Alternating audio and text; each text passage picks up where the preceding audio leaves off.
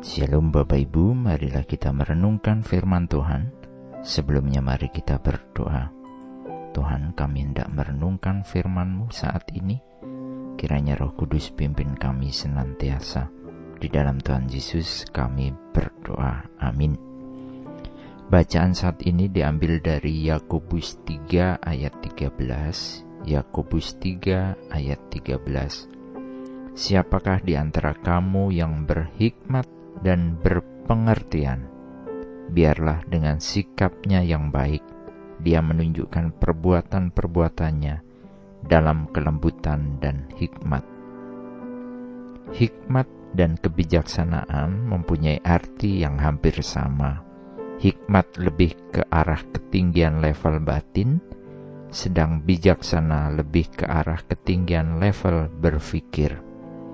Hikmat kebijaksanaan berarti penggunaan pikiran atau rasio yang sehat dengan selalu mempertimbangkan persatuan, kesatuan, kepentingan bersama, dan dilaksanakan dengan sadar, jujur, bertanggung jawab, serta didorong oleh itikat baik sesuai dengan hati nurani. Namun, ada perbedaan yang signifikan antara kebijaksanaan sejati dan kebijaksanaan palsu antara kebijaksanaan dari Allah dan kebijaksanaan dunia. Dunia menyamakan kebijaksanaan dengan pengetahuan, sementara hikmat ilahi diberikan dari atas oleh karena roh Tuhan mengarahkan langkah-langkah manusia dan membimbingnya dalam tindakan dan sikapnya.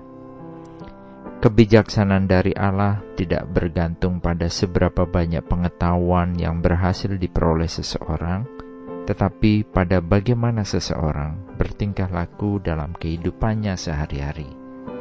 Hikmat ilahi diperlihatkan dalam cara seseorang menerapkan semua yang telah dia pelajari dari firman Tuhan dan di dalam semua keputusan serta pilihan yang dia buat. Mungkin kita sering melihat ada orang yang secara level pendidikan tidaklah tinggi, namun dari tutur kata, perbuatan, dan pikirannya mencerminkan hikmat Tuhan dalam hidupnya. Kebijaksanaan dimulai ketika kita meminta Allah untuk menjadi penolong kita, dan kita sepenuhnya hidup percaya dan takut kepadanya. Amsal 1 ayat 7 menulis, Takut akan Tuhan adalah permulaan pengetahuan, tetapi orang bodoh menghina hikmat dan didikan. Tuhan Yesus meneladankan apa yang telah menjadi pembeda antara hikmat yang ilahi dan hikmat yang dunia berikan. Ada dalam salah satu khotbah di bukit yang diajarkannya ditulis di dalam Matius 5 ayat 42 hingga 45. Kamu telah mendengar bahwa dikatakan, Kasihilah sesamamu dan bencilah musuhmu. Tetapi aku berkata kepadamu, cintai musuhmu dan berdoalah bagi mereka yang menganiaya kamu, agar kamu menjadi anak-anak Bapa di surga. Hikmat ilahi sering kali menuntut kita untuk melakukan apa yang berlawanan dengan kecenderungan alamiah kita.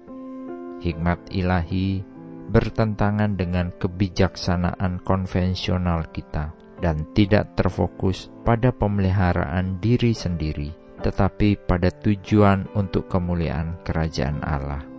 Setiap kita sebagai orang percaya diundang untuk terus hidup dalam hikmat Allah di keseharian kita, ditandai dengan perbuatan yang penuh kelembutan dan hikmat, dan kita hanya dapat hidup dalam hikmat yang saleh jika kita berkomitmen untuk menyalipkan kedagingan kita dan hidup dalam pimpinan Roh Kudus.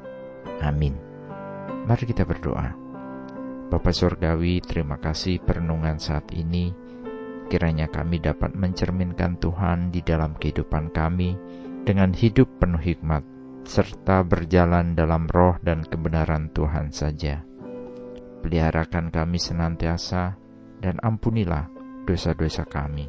Di dalam Tuhan Yesus kami berdoa. Amin. Tuhan Yesus memberkati. Shalom.